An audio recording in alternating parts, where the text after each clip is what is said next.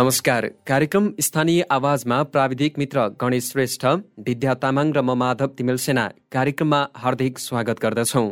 कार्यक्रम स्थानीय आवाज हरेक दिन बेलुकी साढे सात बजेदेखि आठ बजेसम्म रेडियो क्यान्डिड बयानब्बे दशमलव सात मेगा हर्चमा सुन्न सक्नुहुन्छ।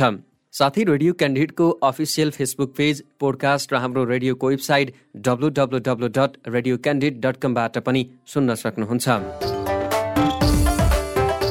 श्रोता तुर्मा खाँद गाउँपालिका सुदूरपश्चिम प्रदेशको अछाम जिल्लामा अवस्थित पहाडी भौगोलिकता रहेको गाउँपालिका हो। साबिकको रहब भैरव स्थान तुर्कम खाद नाडा रानीवन तोसी र धमाली गाविस मिलेर बनेको यो गाउँपालिका दुई सय बत्तीस दशमलव सात वर्ग किलोमिटर क्षेत्रफलमा फैलिएको छ। यस गाउँपालिका अछाम जिल्लाको सदरमुकाम मङ्गलसेनदेखि करिब पचपन्न किलोमिटरको दूरीमा पूर्वी भागमा रहेको छ। यस गाउँपालिकाको पूर्वमा दैलेख जिल्ला पश्चिममा ढकारी गाउँपालिका उत्तरमा कमला बजार नगरपालिका र दक्षिणमा सुर्खेत जिल्ला अवस्थित छ। यस गाउँपालिकाको ऐतिहासिक रूपले दैलेखसँग सामिप्यता राखेको पाइन्छ भने भाषिक प्रभाव पनि दैलेखसँग मिल्दोजुल्दो छ। तुर्मा खाद गाउँपालिकाको नामाकरणको सन्दर्भमा स्थानीय जनआकार व्यक्तिहरूका अनुसार हाल बजारमा रहेको यस तुर्मा खाद क्षेत्रमा धेरै समय पहिला तमाखु खाने मानिसहरूको जमघट हुने गर्दथ्यो। अछामी भाषामा तमाखुलाई तमो भनिने र डाँडामाथिसम्म परेको स्थानलाई खाद भनिने हुनाले तम्मा र खाद मिलेर तुर्मा खाद रहन गएको किम्बदन्ती पाइन्छ। यस स्थानको नामबाट तुर्मा खाद गाविसको नामाकरण भएको र स्थानीय तह पुनर्संरचना हुँदा गाउँपालिकाको नामाकरण समेत तुर्मा खाद हुन गएको देखिन्छ। आज हामीले यसै गाउँपालिकाका अध्यक्ष डमर बिसीलाई तपाईँ नयाँ जनप्रतिनिधि निर्वाचित भएर आउनुभयो तपाईँको कार्यकालको भावी योजना के हो भनेर सोधेका छौँ। हामीले निर्वाचनताका बेलामा बोलेका प्रतिबद्धताहरू जे थिए त्यसमा टेकेर नै व्यक्तिगत योजना भन्दा पनि सामूहिक योजनाहरूलाई प्राथमिकरणमा राखेर योजनाहरू अगाडि बढाइन्छ। हजुर निर्वाचन परिणाम आएर पनि कार्यभार सम्हाल्नुभयो। पहिलो निर्णय के गर्नुभयो? हामीले पहिलो निर्णय प्रतिबद्धता पत्रमा उल्लेख भए अनुसारको सामुदायिक विद्यालयमा अध्ययनरत कक्षा दससम्मका विद्यार्थीहरूबाट लगिने कुनै पनि खालको शुल्क नलिने त्यसको व्यवस्थापन गाउँपालिकाले गर्ने र सामुदायिक विद्यालयमा कार्यरत निजी स्रोतका शिक्षकहरूको तलब भत्ताको व्यवस्थापन गाउँपालिकाले गर्ने।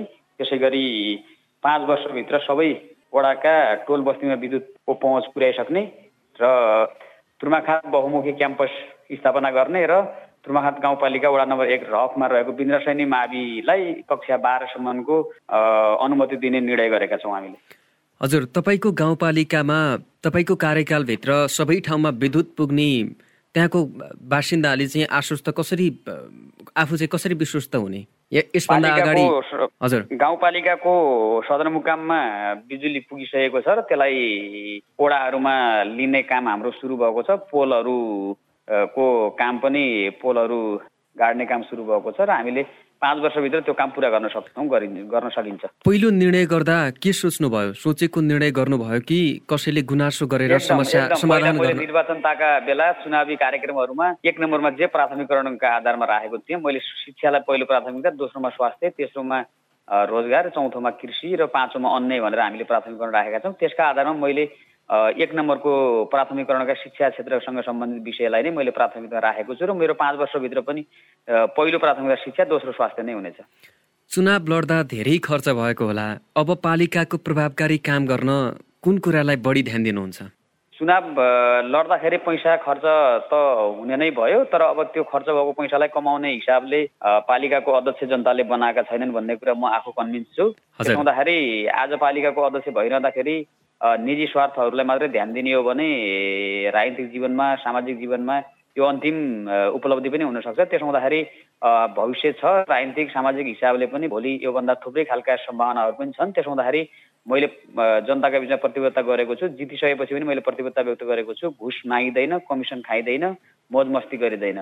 अनि बाँकी कुराहरू चाहिँ हिजो एउटा पार्टीको तर्फबाट उम्मेद्वार हुँदा सूर्य चिन्ह लगेर चुनाव लडिएको थियो अहिले पार्टी को नभएर म चाहिँ साझा तुर्माखातवासी सबैको अध्यक्षका हैसियतले स्थानीय तहको नव प्रमुखको हैसियतले म सबैको साझा व्यक्ति हुँ र मैले त्यो हिसाबले नै अगाडि बढ्नुपर्छ। काम गर्दा चुनौतीलाई कतिको सम्झिनु भएको छ? बहुमत कतिको छ? योजना के के बनाउनु भएको छ? एकदम चुनौती चाहिँ चुनौती बिनाको त सम्भावना पनि हुँदैनन्। जोसँग बढी चुनौती जति बढी चुनौती छ त्यसको सामना जसले गर्न सक्यो उही नै सफल हुने कुरा म स्वयं आफूले पनि अनुभूति गरेका छु। त्यसो हुँदाखेरि चुनौतीको छँदैछ चुनौती सँगसँगै सम्भावना पनि छन् र त्यो चुनौतीलाई व्यवस्थापन गर्न सकिने सामर्थ्य पनि राखिन्छ र त्यो राख्दाखेरि चुनौतीहरूलाई व्यवस्थापन गर्नुपर्छ। पहिलो कार्यकालका जनप्रतिनिधिले बढी डोजरे विकास गरेको भनेर चर्चा र आलोचना भयो। तपाईँ पनि सडक र बाटो बनाउने मात्रै विकास ठानेर त्यसैलाई निरन्तरता दिनुहुन्छ कि? के छ विचार? होइन मैले तपाईँलाई सुरुमै भनेको छु मेरो प्राथमिकता स्वास्थ्य र शिक्षा हो त्यसपछि रोजगारी हो चौथोमा चाहिँ कृषि हो र पाँचौँमा अन्य हो भनेको छु। मैले तपाईँले भनेको सडक र डोजरको कुरा चाहिँ पाँचौँ नम्बरमा पर्छ र त्यो पाँचौँ नम्बरमा पर्दाखेरि पनि बाटो खुलिसकेको ट्र्याक खुलिसकेको ठाउँहरूमा ग्राबिल गर्ने सकेसम्म पिच गर्ने कुरा त्यतापट्टि लाग्नुपर्छ र नयाँ बनाउने र व्यक्तिगत हिसाबले कार्यकर्ता पाल्ने अथवा व्यक्तिगत आफ्ना योजनाहरू पनि पूर्ति गर्ने हिसाबले मेरो त्यो प्राथमिकरणभित्र कम पर्छ। हजुर जस्तो तपाईँको पालिकामा एउटा दुर्गम पालिकाभित्र पनि पर्छ अछाम जिल्लाको होइन सदरको सदरमुकामबाट पनि टाढा पर्छ। अब त्यहाँ थुप्रै ठाउँमा चाहिँ बाटो सडक नपुगेको अवस्था छ। अब सडकलाई पनि त प्राथमिकता दिनु पर्ला नि? सडक चाहिँ तुर्माखात गाउँपालिकाको वडा नम्बर एकमा सडक पुग्न बाँकी छ। त्यो हामी सम्भवतः पहिलो दोस्रो वर्षमै पुर्याउने लक्ष्यका साथ काम गर्छौँ। त्योभन्दा अरू चाहिँ प्राय वडाहरूमा गरा ट्र्याकहरू खुलिसकेका छन् र कहीँ कहीँ थोरा अलिअलि कम कम हिसाबले बा केही ठाउँमा पुर्याउनु पर्ने बाँकी छ टोल बस्तीहरूमा। त्यो चाहिँ पुर्याउनै पर्छ पुर्याइन्छ र तर हिजो सुरुवाती हुँदाखेरि पाँच वर्षका जनप्रतिनिधिहरूले पहिलो प्राथमिकता बाटो खन्ने डोजर किन्ने अनि त्यो डोजर पनि इन्जिनियरले चलाउने अनि त्यसका आधारमा जे खालका अभ्यासहरू सिर्जना गरिएका थिए त्यसबाट चाहिँ पाठ सिक्नुपर्छ र हामीले त्यस्ता खालका कमी कमजोरीहरू गर्न हुँदैन। बाटो चाहिँ नपुर्याउने भन्ने होइन बाटो पुर्याउनु पनि पर्छ तर प्राथमिकरणमा नै स्वास्थ्य र शिक्षा परिसकेपछि त्यसमा चाहिँ कम चासो हुन्छ र सकेसम्म हाम्रो स्थानीय तहको साधन स्रोतले पनि सबै कुरा नभ्याइने भएको कारणले गर्दाखेरि सङ्घ र प्रदेशसँग समन्वय गरेर अरू अरू योजनाहरू बनाउने कुरासँग सम्बन्धित त्यो योजनाहरू पर्छ र त्यसको टेन्डर र इभिडिङका माध्यमबाट त्यो योजनाहरू लागू गर्ने हिसाबले हामीले अगाडि बढ्नुपर्छ। हजुर तपाईँको मतदातालाई वा जनतालाई महसुस हुने गरी के काम गर्ने योजना छ? मैले तपाईँलाई सुरुमै भने निर्वाचनताका बेला हामीले घोषणा गरेका प्रतिबद्धता पत्र अनुसारकै शिक्षासँग सम्बन्धित धेरै विषयहरू हामीले नीतिगत रूपमा निर्णय गरेका छौँ। त्यसलाई नयाँ आर्थिक वर्षबाट हामी कार्यान्वयन गरेर देखाउँछौँ। सबैलाई मिलाएर कसरी अगाडि लैजानुहुन्छ तपाईँ? सबै त्यहाँ स्थानीय तह भनिसकेपछि सङ्घ र प्रदेशका जस्तो सत्तापक्ष र प्रतिपक्ष हुँदैन। स्थानीय तहको आफ्नै अधिकारहरू छन् त्यो पनि एउटा स्वायत्त स्थानीय सरकार नै हो। त्यसो हुँदाखेरि त्यहाँ कुनै पार्टीसँग आस्था राख्ने कुनै पार्टीबाट जितेको भन्ने हुँदैन। सामूहिक हिसाबले सबैको अपनत्व हुने गरी नेतृत्वका हिसाबले अध्यक्षले नेतृत्व गर्ने हो। बाँकी सबै वडा अध्यक्षहरू कार्यपालिका सदस्यहरू गाउँसभाका सदस्यहरूको पनि भूमिका महत्त्वपूर्ण हुन्छ। त्यहाँ सत्तापक्ष र प्रतिपक्ष भन्ने हुँदैन। त्यसको खालको वातावरण सिर्जना गरेर हामीले सकेसम्म निर्वाचनताका बेलामा जति प्रतिस्पर्धी राजनीतिक दलहरू थिए तिनका उम्मेद्वारहरू जति थिए तिनका नेता कार्यकर्ताहरू जति थिए ती सबैको सुझाव सल्लाहका आधारमा अगाडि बढ्नुपर्छ। शिक्षा स्वास्थ्य कृषि र पर्यटनको चर्चा बढी हुन्छ। तपाईँका यी क्षेत्रमा के योजना छन्?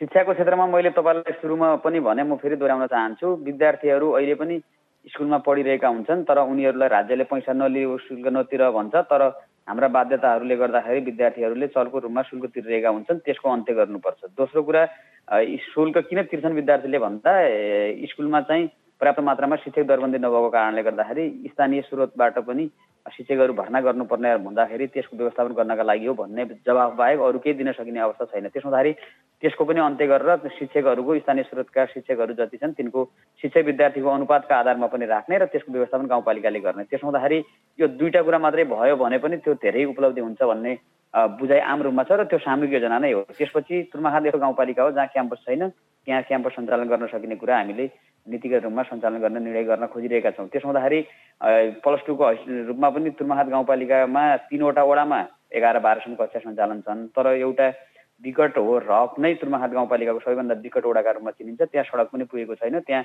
कक्षा एघार बाह्रसम्म पनि पढाइ हुँदैन। त्यसो हुँदाखेरि ती विद्यार्थीहरूको भविष्यलाई ध्यान राखेर हामीले कक्षा बाह्रसम्म अध्ययन गर्नका लागि स्थानीय तहलाई दिएको शिक्षा माध्यमिक विद्यालयसम्मको शिक्षाको सम्पूर्ण अधिकार स्थानीय तहलाई भएको हुँदाखेरि हामीले त्यसलाई जोड दिएका छौँ र स्वास्थ्य क्षेत्रमा पनि हामीले अस्ति भर्खरै मात्रै तुर्माखात गाउँपालिकामा रेबिज खोपको अवस्था पर्याप्त मात्रामा अथवा त्यसको सेवा सुविधा थिएन हामीले मङ्गलसेन अथवा सुर्खेत जानुपर्ने हुन्थ्यो। अब त्यसको सम्पूर्ण व्यवस्थापन गाउँपालिकामा गर्ने र तुर्माखात गाउँपालिकामा रहेको स्वास्थ्य चौकीलाई नै हामीले त्यसको चौबिसै घन्टा सेवा प्रवाह गर्ने निर्णय गरेका छौँ र तुर्माखात गाउँपालिकामा हामीले दसैयाको अस्पताल सञ्चालन गरिरहेको सुरु भइरहेको छ भवनको काम। त्यो चाहिँ हाम्रो पालामा त्यसलाई सकेसम्म सयका हिसाबले पनि पन्ध्र बिस पुर्याउने र त्यसमा एमबिबिएस डक्टरको समेत व्यवस्था गर्ने योजना छ। हजुर अनि कृषि र पर्यटनको क्षेत्रमा के योजना छन्? कृषिको क्षेत्रमा हामीले भौगोलिक हिसाबले जुन बस्तीमा अथवा जुन माटोमा जे खालको उत्पादन गर्न सकिन्छ माटो वैज्ञानिक माटो परीक्षणका आधारमा तरकारी खेती अन्नबाली अथवा फलफुलहरू जुन बस्तीमा जुन माटोमा जस्तो खालको उत्पादन गर्न सकिन्छ त्यसका आधारमा चाहिँ हामीले कृषि क्षेत्रलाई पनि प्राथमिकरणमा राख्ने र त्यहाँ सकेसम्म बढीभन्दा बढी युवाहरूलाई रोजगारी अथवा स्वरोजगारका कार्यक्रमहरू लागू गर्ने र विशेष गरिकन उत्पादनका क्षेत्रसँग नै सम्बन्धित बनाउने र आयातलाई पनि कम गर्ने र हामीले सकेसम्म आफ्नै गाउँमा आफ्नै टोलमा बस्तीमा भएको उत्पादनलाई चाहिँ सदुपयोग गर्नका लागि हामीले कृषिको योजनाहरू अगाडि बढाउने योजना छ। हजुर पारदर्शितालाई कसरी ध्यान दिनुहुन्छ? धेरै स्थानीय तहमा कागजमा योजना मिलाएर भ्रष्टाचार गर्ने प्रवृत्ति एकदमै धेरै मौलाएको अवस्थामा? त्यसमा त्यसलाई सकेसम्म नियन्त्रण गर्ने प्रयास गरिन्छ। मैले व्यक्तिगत हिसाबले व्यक्तिका स्वार्थहरू नबाँझिएको अवस्थामा व्यक्तिगत स्वार्थहरू रहेनन् भने सुशासन पारदर्शिता भ्रष्टाचार नियन्त्रण गर्ने कुरालाई सजिलो हुन्छ। म नेतृत्वको हिसाबले म आफै नै त्यसमा संलग्न भएँ भने त तपाईँले भनेको कुरा समग्रतामा त्यसो हुन्छ नै। तर हामी स्वयं नेतृत्व गर्ने मान्छे नै त्यसबाट पछाडि हट्यौँ र हामीले शून्य सहनशीलताका आधारमा सबै कुरालाई पारदर्शिता सुशासनको प्रत्याभूति दिलाउन सक्नुपर्छ। हामीले सूचनाको हकलाई पनि त्यही ढङ्गले व्यवस्थित गर्ने कुरा छ र त्यो अधिकारलाई हामीले प्रत्याभूति गर्ने हिसाबले कार्यपालिकाले र गाउँसभाले गरेका निर्णयहरूलाई त्यो दिन नै हामीले सार्वजनिक गर्ने प्रक्रिया पनि सुरु गरेका छौँ। त्यो हिसाबले हामीले त्यहाँभित्र भएका जति पनि समस्याहरू छन् त्यो जनताले प्रष्ट ढङ्गले बुझ्न पाउन् र त्यहाँभित्र भएका समस्याहरूलाई सुधार गर्नका लागि पनि ती जनताहरूको अथवा त्यहाँका सम्बन्धित निकायहरूको सुझाव र सल्लाहका आधारमा अगाडि बढ्नका लागि हामीलाई टेवा पुगोस् भन्ने उद्देश्यका साथमा हामीले सुशासन पारदर्शिता र भ्रष्टाचार नियन्त्रण र सूचना हकको अधिकारलाई पनि हामीले सुनिश्चित गर्ने योजना बनाएका छौँ। तपाईँको स्थानीय तहमा आम्दानीको आन्तरिक स्रोत के के छन्? आम्दानीको स्रोत अहिले ठ्याक्कै भन्दाखेरि अत्यन्तै न्यून छ।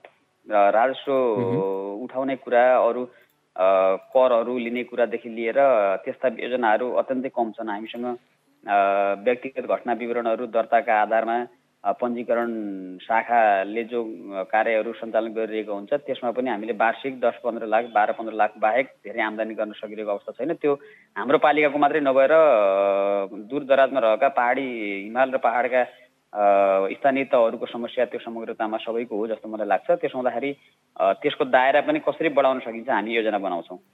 सामाजिक सुरक्षाको विषयमा धेरैले प्रश्नहरू उठाउने गरेका छन्। तपाईँको स्थानीय तहमा वृद्ध वृद्धा बालबालिका एकल महिला अपाङ्गता भएका व्यक्ति पिछडिएका समुदायको अवस्थालाई कसरी सुधार्ने सोच्नु भएको छ?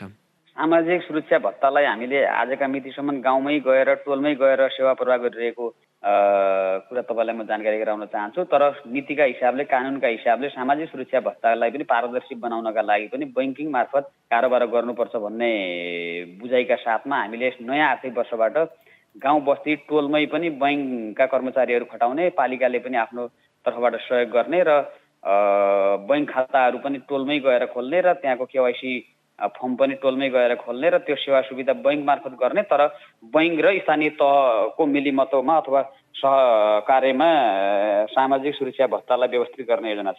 हजुर विगतका भन्दा फरक या प्रभावकारी युवा लक्षित कस्ता कार्यक्रम ल्याउने सोच्नु भएको छ? युवाहरूलाई रोजगारीसँग सम्बन्धित कुन युवाको कुन दक्षता छ कुन युवा कुन योजनासँग सम्बन्धित छ र उसले के गर्न सक्छ भन्ने कुराको पहिचान गर्छौँ पहिलो कुरा।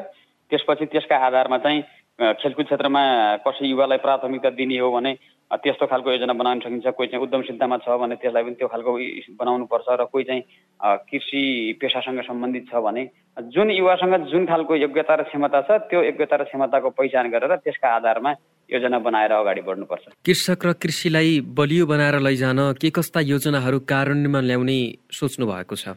कृषि क्षेत्रलाई उत्पादनसँग जोड्ने त्यो उत्पादनसँग जोड्ने भनेको फुल तरकारीहरू अन्नबाली त्यसको चाहिँ बिमाको व्यवस्थापनदेखि लिएर प्राविधिकहरूको व्यवस्थापन गर्ने देखि लिएर किसानहरूलाई किसानहरूले उत्पादन गरेको सामानहरूको अथवा वस्तुहरूको जिम्मेवारी पनि गाउँपालिका तहबाट अथवा ओडाहरूका तहबाट व्यवस्थापन गरेर मैले अघि पनि भनेको कुरा निर्यातलाई चाहिँ हामीले प्राथमिकता दिने र आयातलाई चाहिँ रोक्न सक्यौँ भने त्यो नै किसानका लागि उपयुक्त हुन्छ। हजुर हामी अन्तिम अन्तिमतिर पनि छौँ। अन्तिममा केन्द्र र प्रदेश सरकारसँग सम्बन्ध र सहयोग कस्तो रहनेछ? सकेसम्म स्थानीय तह र स्थानीय तह प्रदेश सरकार र सङ्घीय सरकारका तिनवटा खालको सरकारको अनुभूति त गर्न खोजिएको छ। तर अब स्थानीय तहले सङ्घ र प्रदेशसँग पनि कतिपय कुराहरू अपेक्षा गर्नुपर्ने त्यो बाध्यता पनि छ। त्यसो हुँदाखेरि सकेसम्म सङ्घ प्रदेश स्थानीय तह तिनटै सरकारहरूको आफ्नो ठाउँमा समान खालको अस्तित्वहरू पनि छ हैसियत पनि छ। त्यसो हुँदाखेरि सबैको अस्तित्वलाई सहअस्तित्वलाई स्वीकार गरेर सबैको साझेदारीका आधारमा स्थानीय तहले के गर्ने सङ्घले के गर्ने प्रदेशले के गर्ने भन्ने चाहिँ योजनाहरू अथवा नीतिगत हिसाबले कानुनहरू ऐनहरू कार्यविधिहरू चाहिँ बनाइएको छ त्यसका आधारमा सबैसँग तिन पक्षकै बिचमा सल्लाह सहकार्यका आधारमा अथवा सहजीकरणका आधारमा सबैको अस्तित्वलाई स्वीकार गर्ने गरी अगाडि बढाउने योजना छ हस् हामीलाई अमूल्य समय उपलब्ध गराइदिनु भयो यसको लागि तपाईँलाई धेरै धेरै धन्यवाद धन्यवाद छ सर तपाईँलाई पनि तपाईँ र तपाईँको रेडियो अथवा अनलाइन पत्रिका सबैलाई पनि धेरै धेरै धन्यवाद आजको कार्यक्रम स्थानीय आवाजमा हामीले सुदूरपश्चिम प्रदेशको अछाम जिल्लामा अवस्थित तुर्माखात गाउँपालिकाका अध्यक्ष डम्बर बिसीसँगको कुराकानी प्रस्तुत गर्यौं कार्यक्रम सुनेर तपाईँलाई केही सुझाव सल्लाह प्रतिक्रिया वा कुनै स्थानीय तहका प्रतिनिधिसँग कुराकानी गरिदिए हुन्थ्यो जस्तो लाग्छ भने हामीलाई फेसबुकमा मेसेज गर्नुहोस् अथवा Radio Candid ninety two point seven at the rate Gmail dot कममा इमेल गर्नुहोला। उपयुक्त सुझावलाई हामी पक्कै ग्रहण गर्नेछौँ। कार्यक्रम सुनिदिनु भयो तपाईँलाई धन्यवाद। हौस् त भोलि फेरि भेटौँला। गणेश श्रेष्ठ विद्या तामाङ र म माधव तिमेल सेना बिदा माग्छौँ। नमस्कार।